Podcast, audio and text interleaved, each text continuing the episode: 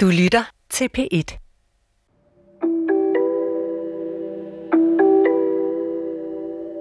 Det er torsdag den 12. april 2007.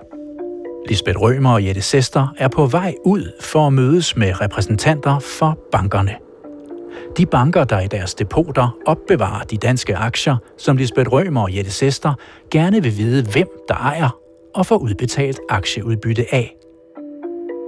For at bane vej for deres forslag til, hvordan skat kan få kontrol med udbetalingerne af millioner af kroner i refusion af udbytteskat, forsøger de to skattemedarbejdere således allerede her i foråret 2007 at gøde jorden ved at tage ud og tale med den finanssektor, som de gerne vil have til at give dem de oplysninger, de mener, de har brug for hver eneste gang, jeg overhovedet, og det gælder også for Lisbeth, hver gang, at vi overhovedet har kunnet komme til ord, jamen så har vi sagt, at den løbende indberetning, jamen det vil være en rigtig, rigtig stor hjælp, og, og faktisk alfa og omega, sådan så vi kan sikre, at vores udbytteadministration ikke refunderer i blinde.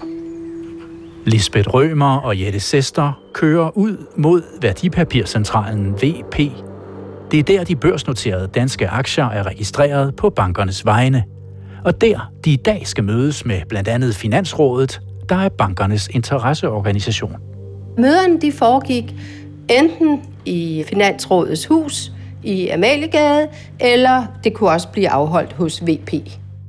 I dag er de på vej til møde i den såkaldte skattegruppe, eller VP's skattegruppe, som den også kaldes, fordi gruppen holder sine fire årlige møder her hos VP. Uden for Værdipapircentralen ankommer også repræsentanter for Finansrådet, Realkreditrådet og Investeringsforeningsrådet.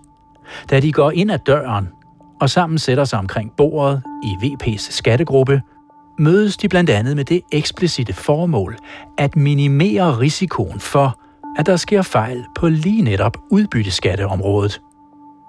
På møderne med den finansielle sektor har Lisbeth Rømer og Jette Sester således rig lejlighed til at forklare om de problemer, de har med refusion af udbytteskat. Og det gør de, fortæller de. Jeg fortalte, at når en øh, aktionær søger udbytte skat refunderet, så har vi ingen mulighed for nogen steder at se, om de er aktionærer på det tidspunkt, hvor udbyttet bliver øh, fastsat. Så, så famler vi i blinde. Og det er jo i hvert tilfælde ikke særlig godt for landet. Allerede på det første møde i skattegruppen fremlægger Lisbeth Rømer og Jette Sester således deres ønske om, at bankerne hurtigere skal fortælle skat, hvilke aktionærer, der får udbetalt aktieudbytte. Det kan jeg se af det referat, som VP efterfølgende sender rundt. En repræsentant for Finansrådet får herefter ordet. Han anerkender, at der er gode argumenter for løbende at give oplysningerne til skat, men siger samtidig, at man må veje fordelene op mod ulemperne. For eksempel, hvad det vil koste bankerne. De aftaler derfor på mødet, at Finansrådet skal spørge sine medlemmer, altså bankerne, hvad de mener om skats ønske om hurtigere at få oplysningerne ind. Da skattegruppen to måneder senere mødes igen i juni, er svaret klar. Bankerne er ikke meget for det, lyder beskeden ifølge referatet.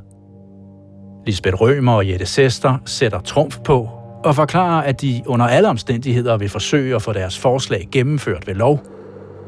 Finansrådet meddeler, at det er positivt indstillet og gerne vil være med til at nedsætte en arbejdsgruppe, der kan se nærmere på sagen sammen men det kommer ikke til at ske.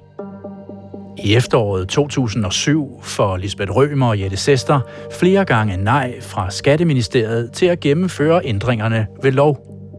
Og efter flere gange at have rykket finanssektoren i ærmet for at få gang i den aftalte arbejdsgruppe, ja, så ender Finansrådet herefter til sidst med at melde fra.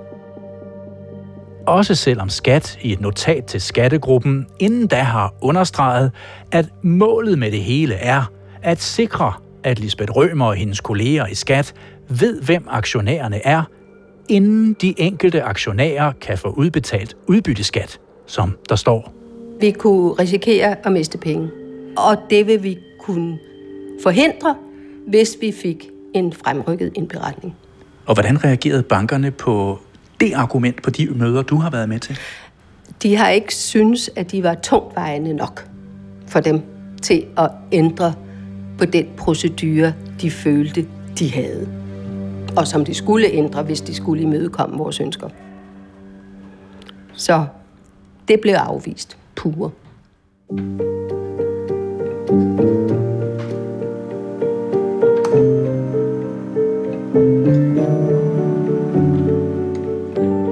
Det her er De Hemmelige Aktionærer. En undersøgelse af, hvorfor huller, der har ført til formodet milliardsvindel med udbytteskat, ikke er blevet lukket, når man har kendt til hullerne i årvis. Jeg hedder Jesper Thynel. Velkommen til fjerde afsnit. Bankerne strider imod.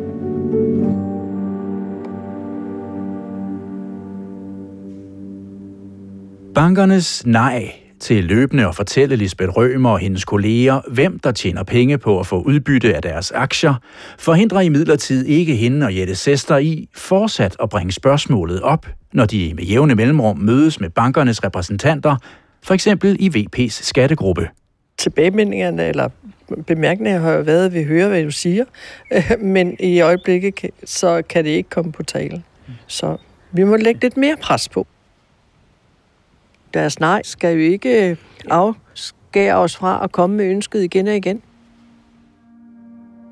I 2008 gentager det hele sig så en gang til. Da Skatteministeriet nu flere gange har afvist at fremrykke indberetningen af aktionærerne ved lov, fordi ministeriet ikke vil pålægge bankerne flere administrative byrder, bringer Lisbeth Rømer og Jette Sester igen spørgsmålet op i VP's skattegruppe, fremgår det af mødereferaterne. De to spørger nu Finansrådet, om bankerne så ikke frivilligt vil fortælle Lisbeth Rømer tidligere, hvem de har udbetalt aktieudbytte til. Men også denne gang er svaret nej. Bankerne vil kun gøre det, hvis de bliver tvunget til det ved lov.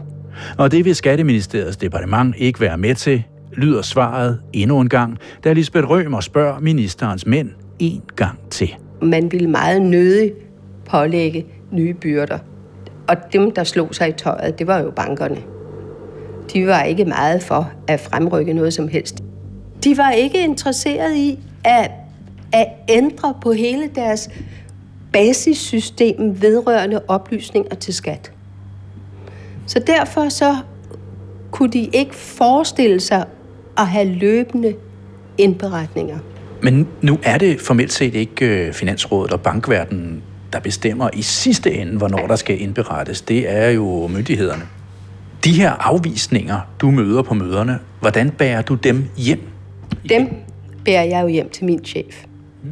Fordi så må der jo nogle større muskler til for at komme igennem med det.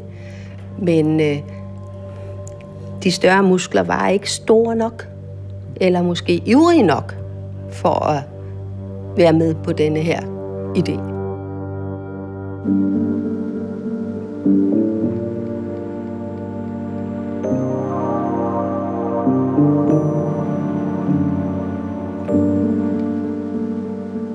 Men i 2009 sker der så endelig noget, der måske kan give et præg om, hvem der har størst muskler og vilje. Er det regeringen og Folketinget? Er det Lisbeth Rømer og hendes kolleger i Skat? Embedsmændene i Skatteministeriets departement eller andre ministerier? Eller er det reelt den finansielle sektor og bankerne, der i praksis får lov at bestemme? Indtil nu har Skatteministeriets departement sagt nej til Lisbeth Rømer og Jette Sesters forslag med henvisning til, at regeringen ikke vil pålægge bankerne flere administrative byrder, men tværtimod har en politik om at nedbringe dem. Ministeriet er ligefrem blevet målt på, hvor mange indberetninger til skat det kan fritage banker og andre virksomheder for. Men inde i Skatteministeriets departement, hvor Karl Hellmann er jurist og har sit skrivebord, åbner der sig pludselig et politisk vindue. Et vindue, der måske alligevel kan give mulighed for mere kontrol. Den daværende VK-regering under Anders Fogh Rasmussen som statsminister gennemførte en skattereform, Forårspakken 2.0, der i høj grad indebar personskattelettelser. Det skulle man jo finansiere, og det indebar, at man åbnede for at fravige fra skattestoppet. Og i den pakkeløsning, og den, den, i den åbning indgik så, at man skærpede indberetningsfristerne for udbytteskat. Eller man foreslog det. Man foreslog at skærpe reglerne. At øh, ministeren blev bemyndiget til at kunne skærpe indberetningsreglerne for dansk udbytteskat, så man bedre kunne kontrollere det. Embedsmændene bruger således åbningen til at forsøge at snige et forslag ind i en større reformpakke. Et forslag om at give ministeren mulighed for at indføre bedre kontrol med refusion af udbytteskat. I 2009, så prøver vi igen og ser så også vores snit til ligesom at få listet en bemyndigelse ind.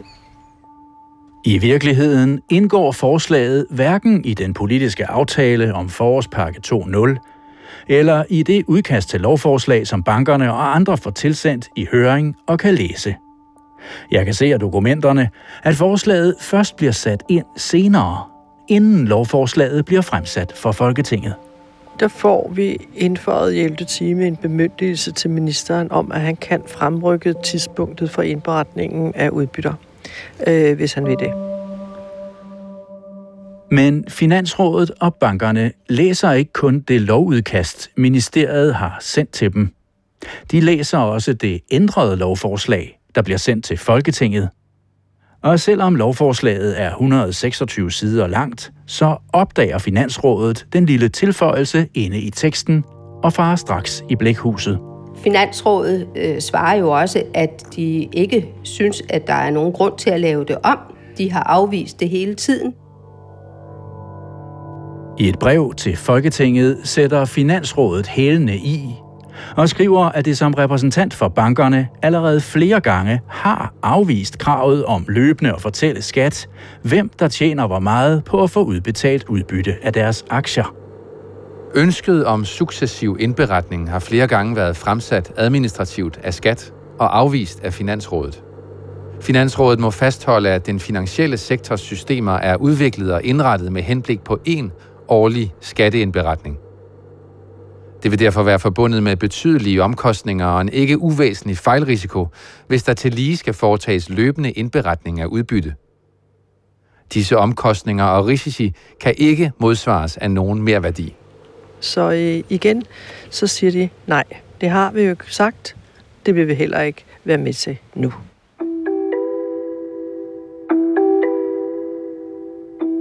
Men noget har alligevel forandret sig. Noget, der måske kan give embedsmændene fornyet håb. Og Lars, nu arver du så alt det her.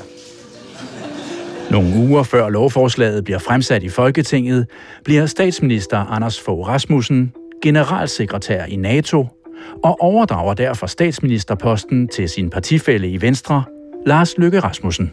Derfor er det en stor glæde for mig, Lars, at jeg i dag kan overdrage dig ledelsen af landet. Og måske er det det, der giver fornyet mod på at prøve en gang til, tænker Lisbeth Rømer. Det har nok været sådan, at øh, Fogh Rasmussen har været øh, mere rigid på det her område, og har været mindre tilbøjelig til at gå ind og lave nogle ændringer, som for finansverdenen ville koste nogle penge.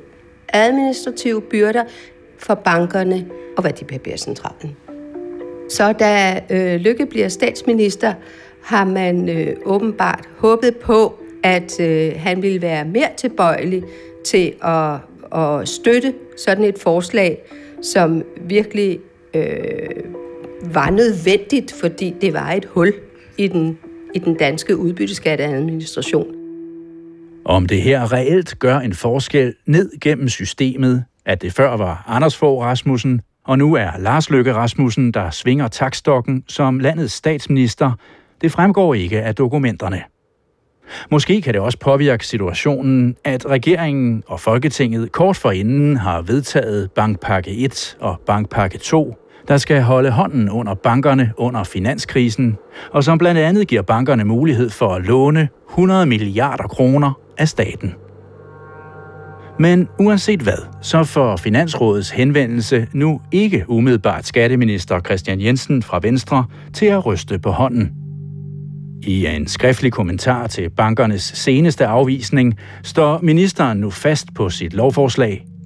Han henviser til lovbemærkningerne, hvor i der eksplicit står, at loven skal gøre det muligt for ham at indføre bedre kontrol med refusion af udbytteskat til folk i andre lande. Og at der hver år er mellem 1 og 2 milliarder skattekroner på spil, som udbetales i refusion af udbytteskat. Ministeren skriver, Jeg er opmærksom på, at forslaget vil medføre nogle omkostninger for depotførende. Jeg er dog ikke enig i, at dette ikke modsvares af nogen mere værdi. Det vil forbedre skats administration af tilbagebetaling af udbytteskat. Og der stemmes nu om lovforslagets endelige vedtagelse. Afstemningen er startet. Herefter stemmer Folketinget om lovforslaget og vedtager det stort set enstemmigt. Og jeg afslutter afstemningen. 109 stemte for, 1 imod. Ingen hverken for eller imod lovforslaget er vedtaget og vil nu blive sendt til statsministeren. Selvom det kan lyde som en stor sejr for Lisbeth Rømer, Jette Sester og deres kolleger, så er det forløbig kun en symbolsk sejr, de efter mange års sværslag nu har fået i hus. Det er en lille sejr, vi får der. Ikke i mål endnu, men vi har et skridt på vejen. For loven ændrer i sig selv ingenting. Den indeholder blot en såkaldt ministerbemyndigelse. Det vil sige, den bemyndiger bare ministeren til selv at bede bankerne om tidligere at fortælle skat, hvem der har fået udbetalt aktieudbytte, og dermed reelt har betalt udbytteskat. Jeg kan ikke huske den store eufori, fordi det var jo en bemyndigelse til at fastsætte en anden frist. Så der var jo ikke noget vundet umiddelbart ved loven, men der var åbnet muligheder, som efterfølgende kunne blive brugt. Først hvis ministeren sætter sig ned, tager sin kuglepen frem og skriver under på en bekendtgørelse, der sætter tingene i værk, så vil det gøre en forskel for Lisbeth Rømer og hendes kolleger, altså hvis ministeren overhovedet skriver under.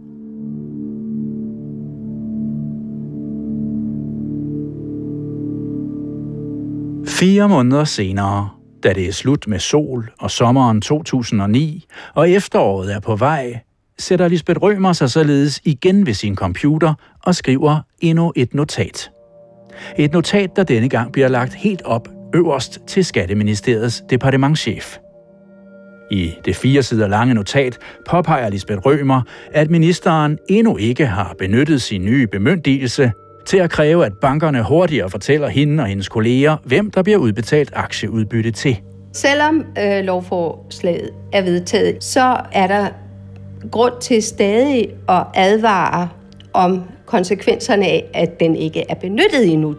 Og det skriver jeg så i et notat, for at man skal huske, at det er vigtigt, at man udnytter sin bemyndigelse.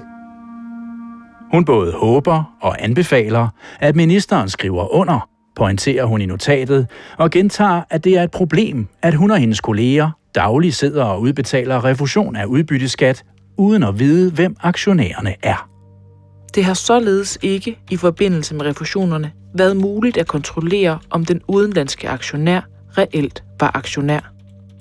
Vi har meget brug for at få oplysningerne tidligere, så jeg håber på det her tidspunkt, at der hurtigt vil ske en udnyttelse af den bemyndigelse. Samtidig gør Lisbeth Rømer opmærksom på, at det kun vil være et skridt på vejen. At fremrykket indberetning ikke i sig selv løser alt. Det løser kun delvist problemerne, skriver hun, og anbefaler derudover, at samtlige udbyttemodtagere, altså alle aktionærer, fremover bliver indberettet til skat. Selvom vi får en fremrykket indberetning, så vil der alligevel være mange udenlandske aktionærer, som er ukendte for os, fordi vi ikke kender navnet på dem. Lisbeth Rømer påpeger også her, at de såkaldte omnibusdepoter skjuler de egentlige ejere for skat. Hvis en aktie ligger i et omnibusdepot, får hun og hendes kolleger kun oplyst, hvilken bank, der har det enkelte omnibusdepot, men får ikke at vide, hvem der i sidste ende ejer aktierne. De udenlandske banker bruger omnibusdepoter. Det vil sige, at der er mange aktieejere i samme depot. hvilket ikke harmonerer med den danske struktur for aktiebesiddelser, som er etableret med Værdipapircentralen. Skriver hun, og peger på, at problemet er vokset, og nu senest også er begyndt at gælde for aktier, der ellers ligger i depot i Danmark. I 2008 outsourcede, så vidt vides, store danske banker deres aktieadministration til amerikanske banker. Nordea har solgt administrationen til JP Morgan Chase, og Nykredit bruger Mellon Bank New York. På møder med de danske banker er det oplyst, at de depoter, som administreres af de amerikanske banker i Danmark, i VP står registreret med den amerikanske bank som ejer af depotet. Og også af den grund ved Lisbeth Rømer og hendes kolleger ikke altid, hvem der reelt modtager udbytte af danske aktier. Vi kender kun navnet på den bank, som modtager det på vegne af en række uregistrerede udenlandske aktionærer. Og derfor kan vi ikke se, hvem der skal have refusion nogen steder. Og især kan vi jo ikke se, hvem der ikke burde få det. Det er jo en problemstilling, vi har kendt til igennem mange år, men som er blevet større og større i og med flere og flere investerer i aktier og handler igennem udenlandske fondshandlere, fordi så har man måske også lidt på afstand fra skattevæsenet. Øhm, så på den måde, så er det jo et større problem, og det gør vi så opmærksom på her i et notat.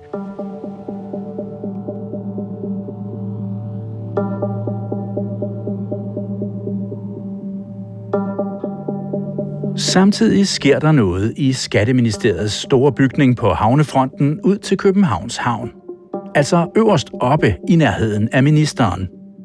Noget, der kan tyde på, at der ikke bare kan svindles, men rent faktisk også bliver svindlet med refusion af udbytteskat. Der var nogle økonomer i øh, Skatteministeriet, der havde øh, siddet øh, lavet en egen undersøgelse, og det blev så oplyst på, altså medarbejderne blev orienteret om det. Karl Hellmans kolleger i ministeriet har sat sig for at undersøge, hvor mange penge statskassen egentlig får ind i skat fra aktionærer i andre lande, der ejer aktier i danske virksomheder. Og til deres store overraskelse viser de første undersøgelser, at de udenlandske aktionærer ingen penge lægger i den danske statskasse. Tværtimod ser det ud til, at statskassen ligefrem mister penge på udenlandske aktionærer. Altså at Lisbeth Rømer og hendes kolleger refunderer flere penge i udbytteskat til udlandet, end der overhovedet kommer ind i skat derfra. Da tallene bliver korrigeret og tjekket igennem, ser indtægterne ud til at være 0 eller meget små, og et enkelt år stadigvæk frem at være negative. Altså ikke en indtægt, men en udgift for statskassen.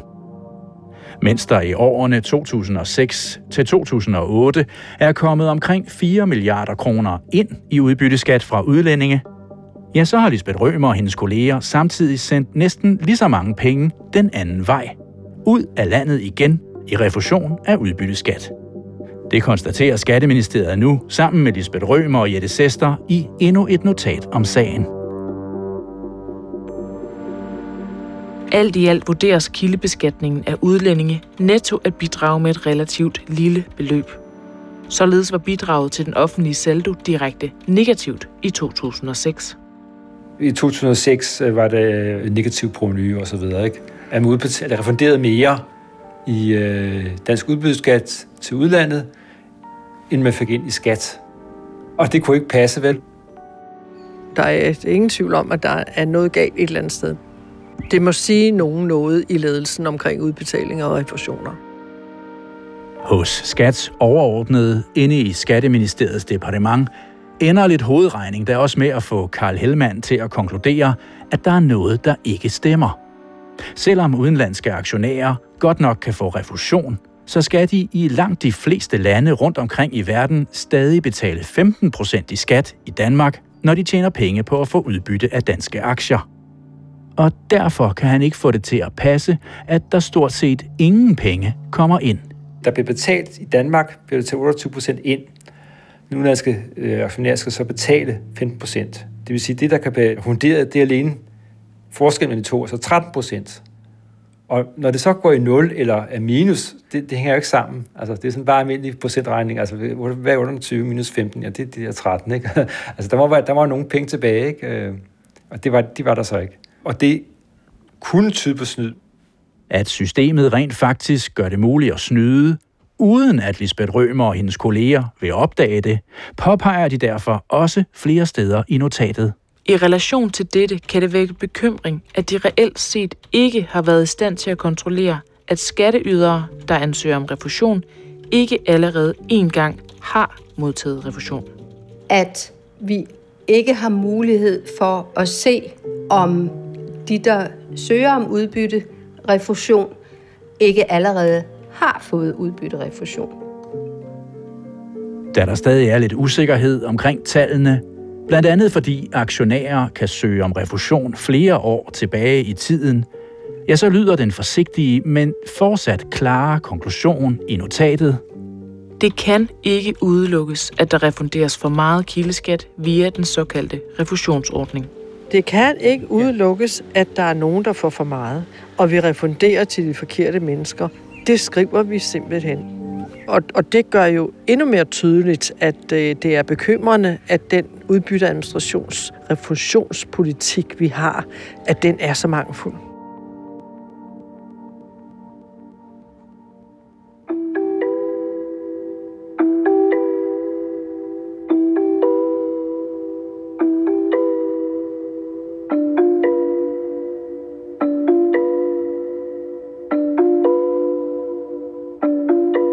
Men bankerne prøver nu endnu en gang at modsætte sig Skats forsøg på at gøre noget ved problemerne.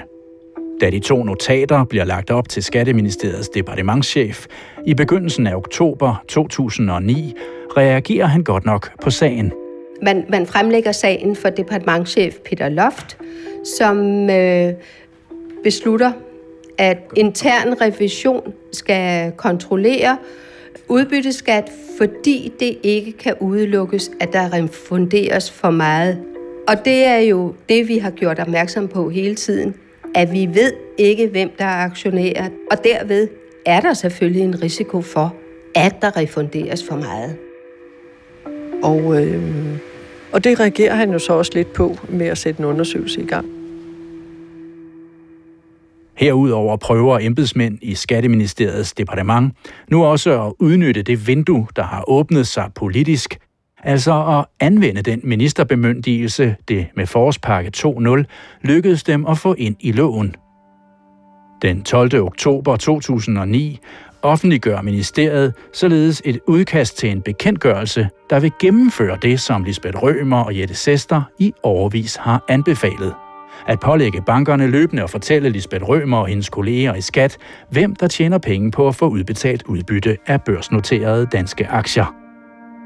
Bekendtgørelsen har skatteminister Christian Jensens navn stående for neden, og mangler sådan set bare lige hans underskrift for at træde i kraft. Og i første omgang, da man skulle udmønte ministerbemyndigelsen efter lovændring, der var det vindue stadig åbent i det man gennemførte en ekstern høring med skærpede indberetningsregler for dansk udbytteskat. Men selvom bekendtgørelsen nu ligger klar, og ministeren med et pennestrøg kan skærpe kontrollen, så beder bankerne ham om ikke at skrive under. Finansrådet meddeler den 2. november 2009 i et brev til ministeriet, Indførelse af en månedlig indberetning af udbytter vil være en meget stor administrativ byrde for sektoren, da en sådan indberetning medfører en del ekstra arbejde. Finansrådet skal derfor opfordre til, at skatteministerens bemyndigelse ikke udnyttes. Så svaret er nej. Også den her gang, selvom vi har fået en bemyndigelse til, at ministeren kan komme med det. Og så er det jo så op til ministeren at sige, at nu er det alvor. Nu øh, skal I komme med de her oplysninger på et tidligere tidspunkt. Men det viser sig at have lange udsigter? Ja, det viser sig, at det har lange udsigter. På et møde i Skatteministeriets departement kort efter gentager de største banker i Finansrådet deres modstand mod de skærpede regler for indberetning af aktionærer. Departementet vil godt, men Finansrådet vil stadig ikke. Ifølge bekendtgørelsen skal de nye regler træde i kraft med virkning fra 1. januar 2011. Men det kommer ikke til at ske. Skatteminister Christian Jensen skriver aldrig under. Jeg fik et meget kritisk høringssvar fra Finansrådet, der bragte i rendring, at man havde det her omkring administrative byrder. Man udnyttede ikke den ministerbemyndigelse, man faktisk havde, og vinduet blev lukket igen.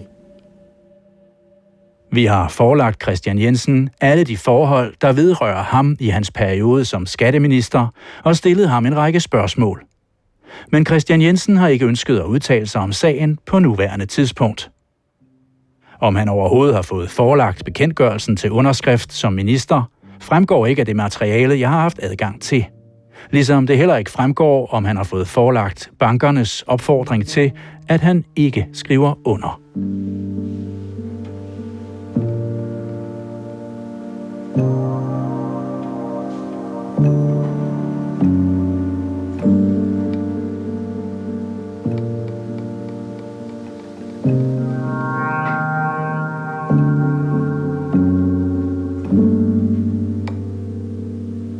Lisbeth Rømer og hendes kolleger presser under alle omstændigheder nu ufortrødent på for at få lov til at få de oplysninger, de mener, vil gøre det muligt for dem at kontrollere de mange udbetalinger af udbytteskat. Allerede en måned efter, at bankerne har bedt ministeren om ikke at skrive under på bekendtgørelsen, sætter Lisbeth Rømer sig i december 2009 igen til tasterne. Der bliver igen udarbejdet et notat af mig, og skriver endnu en gang klart og advarende. Der er et kæmpe hul i forbindelse med udbyttebeskatningen. Og det er jo i hvert tilfælde ikke forkert. Lisbeth Rømer giver notatet til Skats interne revision. Forud for de møder, som både hun og Jette Sester skal til med revisionen, der igen er sat til at undersøge administrationen af udbytteskat. Og endnu en gang påpeger Lisbeth Rømer, at hun og hendes kolleger ikke rigtig kan komme nogen vegne, så længe de ikke aner, hvem aktionærerne er. For eksempel når aktierne ligger i omnibusdepoter. Problemet er, at der kan anmodes om refusion flere gange for samme udladning, og før der er betalt udbytteskat. Skriver hun til intern revision.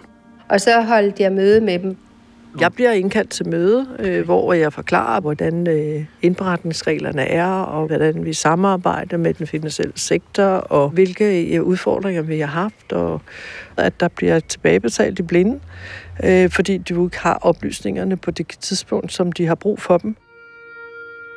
Og hvad gjorde I intern revision opmærksom på på de her møder? Jamen, intern revision var jo fuldt ud klar over de problemer, som er med udbytteskatteadministrationen, med de huller, der er, som jo er forsøgt lukket igennem så mange år, uden at der er sket noget som helst.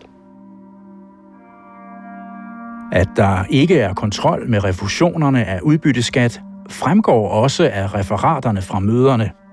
Og det fremgår også af den rapport, som intern revision efterfølgende sender op til Skatteministeriets departementschef i maj 2010.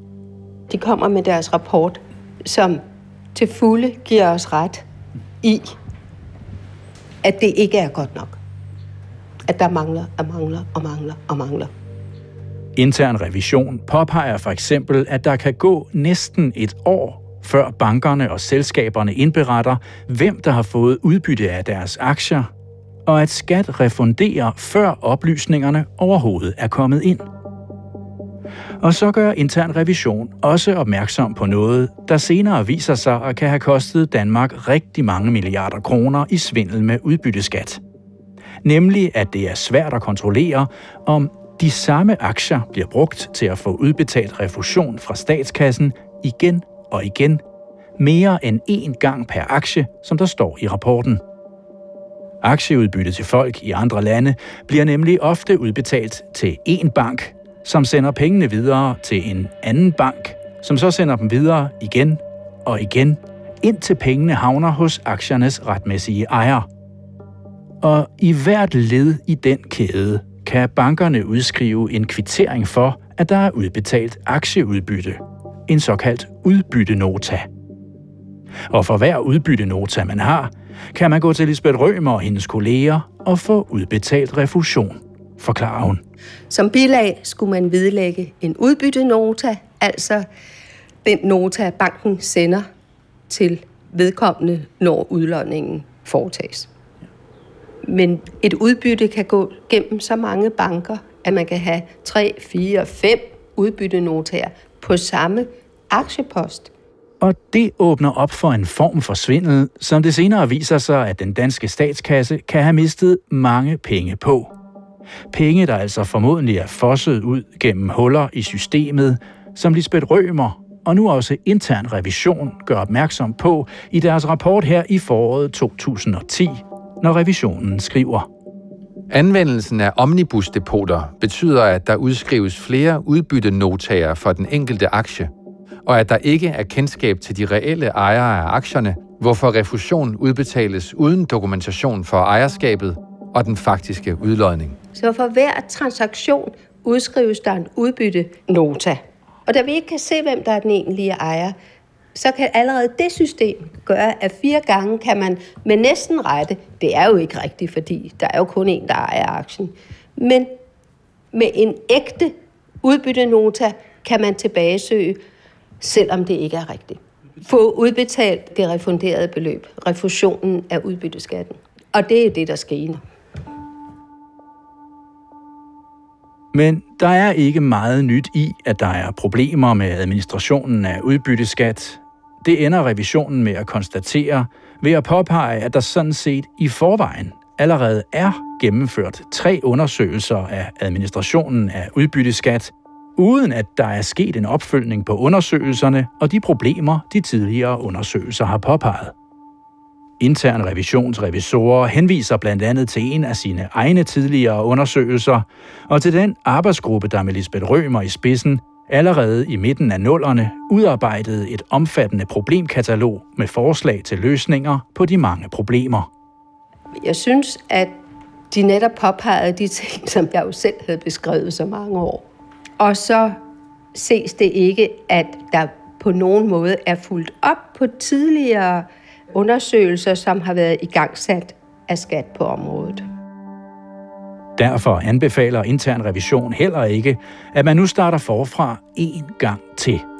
Men anbefaler derimod, at man tager afsæt i det problemkatalog, som Lisbeth Rømer, Jette Sester og deres kolleger allerede har lavet.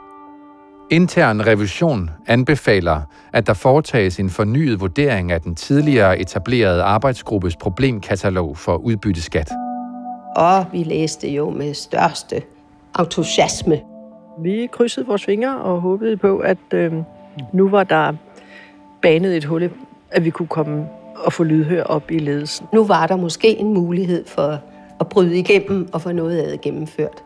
Så øh, tomme op på en stund. Det viste sig så ikke at være tilfældet.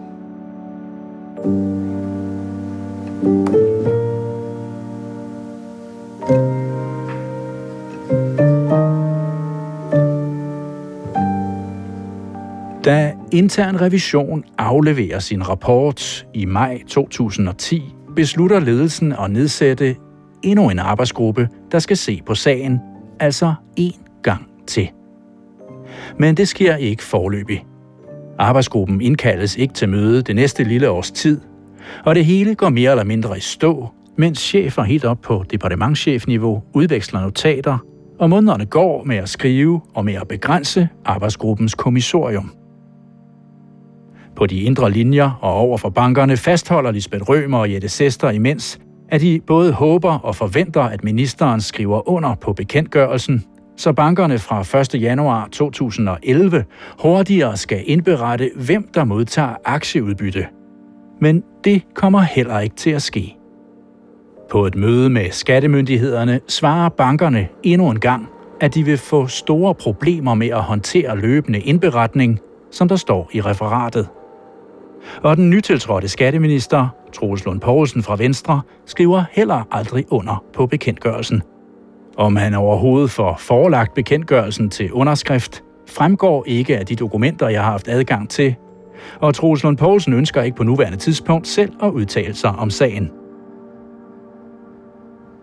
Da der i slutningen af 2010 fortsat ikke rigtig er sket noget, skriver Lisbeth Rømer til intern revision og fortæller, at den arbejdsgruppe, der skulle følge op på revisionens rapport, endnu ikke er blevet bedt om at gå i gang.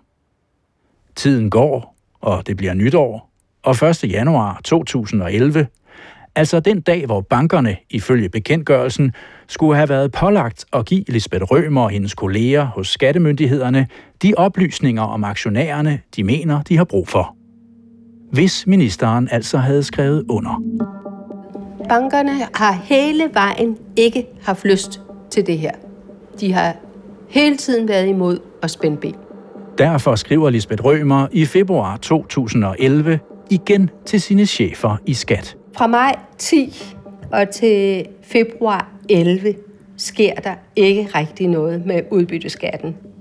Så 15. februar 11 udarbejder jeg et nyt notat. Et notat, hvor i hun forsøger at rydde bankernes indvendinger af vejen. Vi har jo lavet en masse løsningsforslag, men nu prøver vi på en lidt anden måde.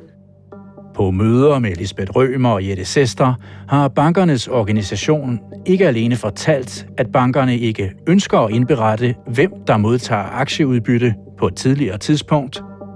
De har også fortalt, at de slet ikke kan nå det, og at de derfor har brug for mere tid til at lave rettelser i, skriver Lisbeth Rømer i notatet.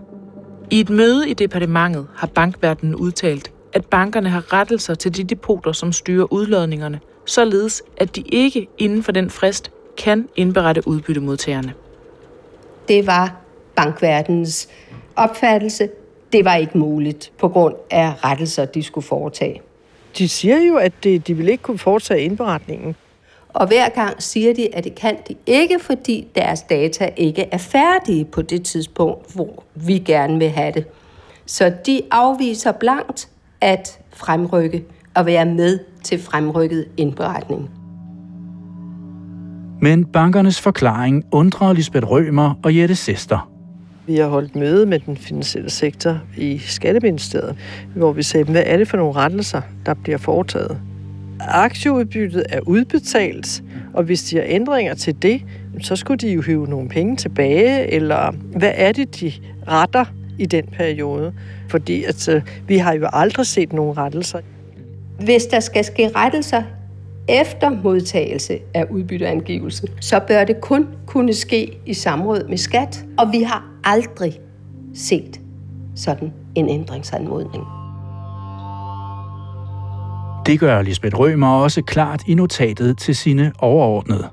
Rettelser efter modtagelsen af udbytteangivelsen bør kun kunne ske i samråd med skat. Så derfor er der ingen grund til, at de skal have frist ud over udbytteangivelsesfristen. Så ud over at gentage, vi har et problem, i det her notat, så skriver du også dybest set, det kan ikke passe, at bankerne har behov for at rette i tingene, Ja. fordi det kan de ikke gøre, uden at vi er en over. Ja, det er nøjagtigt det, vi mener. Det er fuldkommen mærkelig argumentation i mine ører. Når bankerne hurtigt kan udbetale pengene til aktionærerne og hjælpe selskaberne med at angive over for skat, hvor meget de samlet set skal indbetale i udbytteskat, ja, så må de også samtidig kunne indberette, hvem de har udbetalt aktieudbytterne til. Det tilføjer Lisbeth Rømer i notatet til sine chefer og anbefaler endnu en gang, at ministeren nu endelig bruger sin bemyndigelse og skriver under.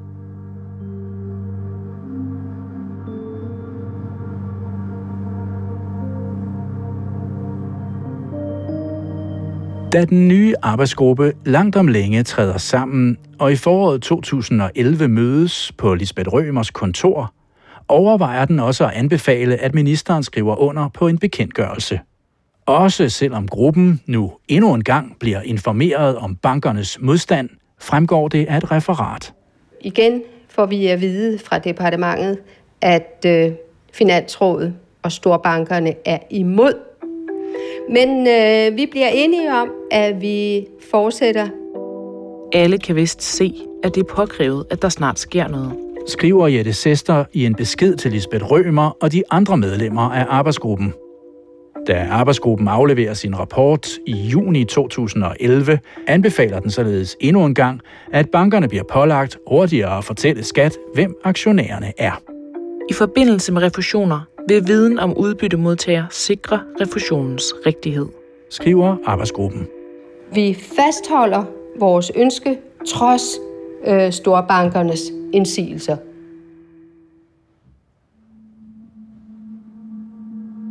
I mellemtiden har venstremanden Peter Christensen nu sat sig i stolen som skatteminister efter lidt over et år med Troels Lund Poulsen på posten. Men Peter Christensen skriver heller aldrig under på, at bankerne skal gøre det, de ikke ønsker at gøre. At fortælle Lisbeth Rømer og hendes kolleger tidligere, hvem der får udbetalt udbytte af danske aktier. Om Peter Christensen i det hele taget har fået forelagt bekendtgørelsen til underskrift, fremgår ikke af de dokumenter, jeg har haft adgang til. Peter Christensen oplyser selv, at han ikke har fået forelagt bekendtgørelsen. Det fremgår af dokumenterne, at spørgsmålet om bankernes håndtering af rettelser stadig ikke er afklaret, da Lisbeth Rømer og resten af arbejdsgruppen skal mødes igen i eftersommeren 2011. Lisbeth Rømer skriver inden mødet et notat til arbejdsgruppen, hvor i hun noterer, at det er arbejdsgruppens indstilling, at bankerne hurtigt må kunne indberette, hvem der har tjent penge på at få udbytte af deres aktier. Men på et møde i slutningen af august beslutter arbejdsgruppens medlemmer i første omgang kun at forsøge at få ministeren til at skrive under på noget, der ikke involverer bankerne. De beslutter, at skat fra nytår kun skal have oplysninger om aktionærerne hurtigere ind fra de selskaber, der ikke er børsnoterede. Og så satse på at få de børsnoterede selskaber, som bankerne står for, med på et senere tidspunkt. Det giver mere tid til, at bankerne og værdipapircentralen kan nå at lave deres computersystemer om, og det giver Lisbeth Rømer og Jette Sester og resten af arbejdsgruppen mere tid til at forholde sig til bankernes indvendinger, fremgår det senere af en redegørelse. Når hjemlen alene udnyttes for så vidt angår unoterede selskaber, skyldes det yderligere overvejelser i anledning af indvendinger fra Finansrådet. Man træder lidt vande, øhm, og Finansrådet kommer med sine indvendinger øh, og skyder øhm, den lidt til hjørne. I efteråret 2011 skriver embedsmændene således udkast til en ny bekendtgørelse, der ikke påvirker bankerne, men alene vedrører de ikke børsnoterede selskaber. En bekendtgørelse som en helt ny skatteminister, der efter et folketingsvalg og et regeringsskift i oktober 2011 nu hedder Thor Møger Pedersen og er fra SF, godt nok ender med at skrive under på. Men som altså ikke rigtig løser Lisbeth Rømer og hendes kollegers problemer med refusion af udbytteskat. Fordi de børsnoterede aktier stadig ikke er med, forklarer hun og Jette Sester. Altså, det løser ikke de store udfordringer, som der er, fordi de er på de børsnoterede papirer. Der, hvor behovet er størst, der sker der så ingenting, fordi bankverdenen hele tiden har været imod, at det skulle ske. Det viser jo, at bankerne og finansverdenen har en meget stor magt. Og det er jo ganske klart, fordi i forvejen baserer vi jo en meget stor del af hele skattesystemet på oplysninger, som kommer fra bankverdenen, fra realkreditten, fra den finansielle sektor på alle mulige måder. Så vi er alle sammen meget afhængige af denne her banksektor. Det er jo så der, vi står nu. Så ærgerligt, ærgerligt. Der bliver ikke nogen ændring eller hjælp i forbindelse med refusioner.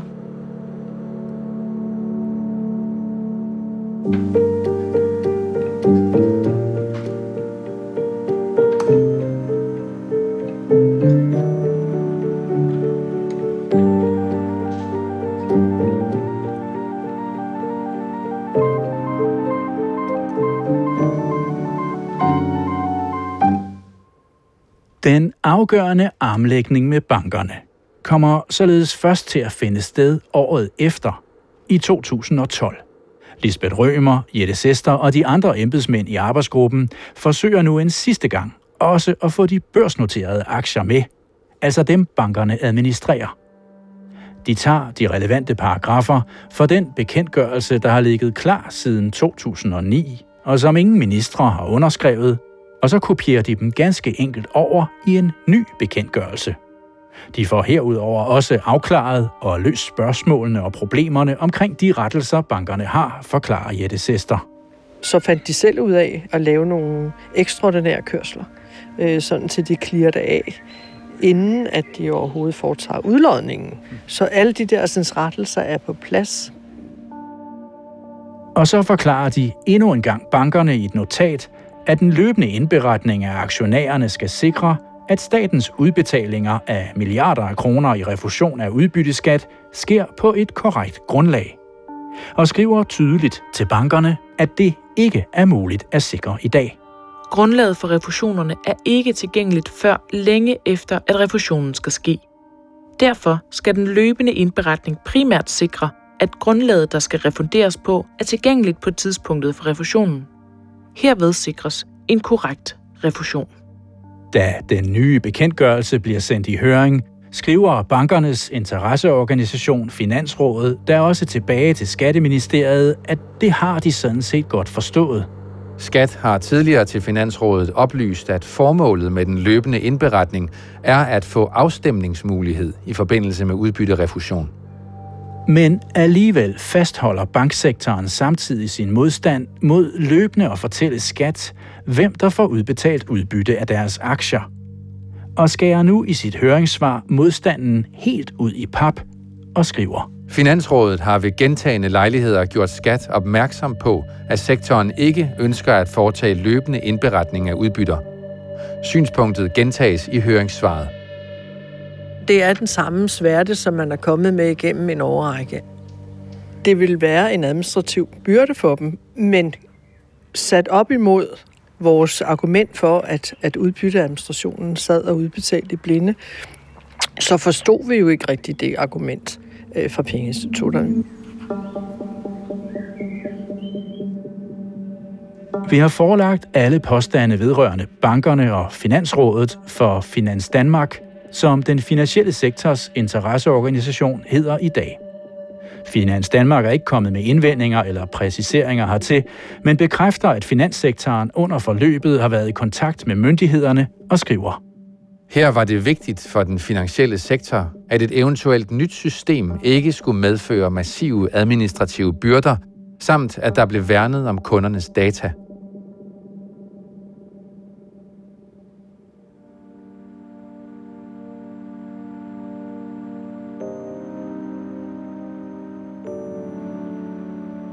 Det her er De Hemmelige Aktionærer. Du har lyttet til fjerde afsnit. Bankerne strider imod. Sine Mandsdotter har klippet og komponeret musik sammen med Marie Killebæk. Jens Wittner er redaktør. Karen Damsgaard Sørensen og Alberte Sacco har været i redaktion. Morten Runge har indlæst citater, og jeg har tilrettelagt og skrevet manuskript. Mit navn er Jesper Tynel.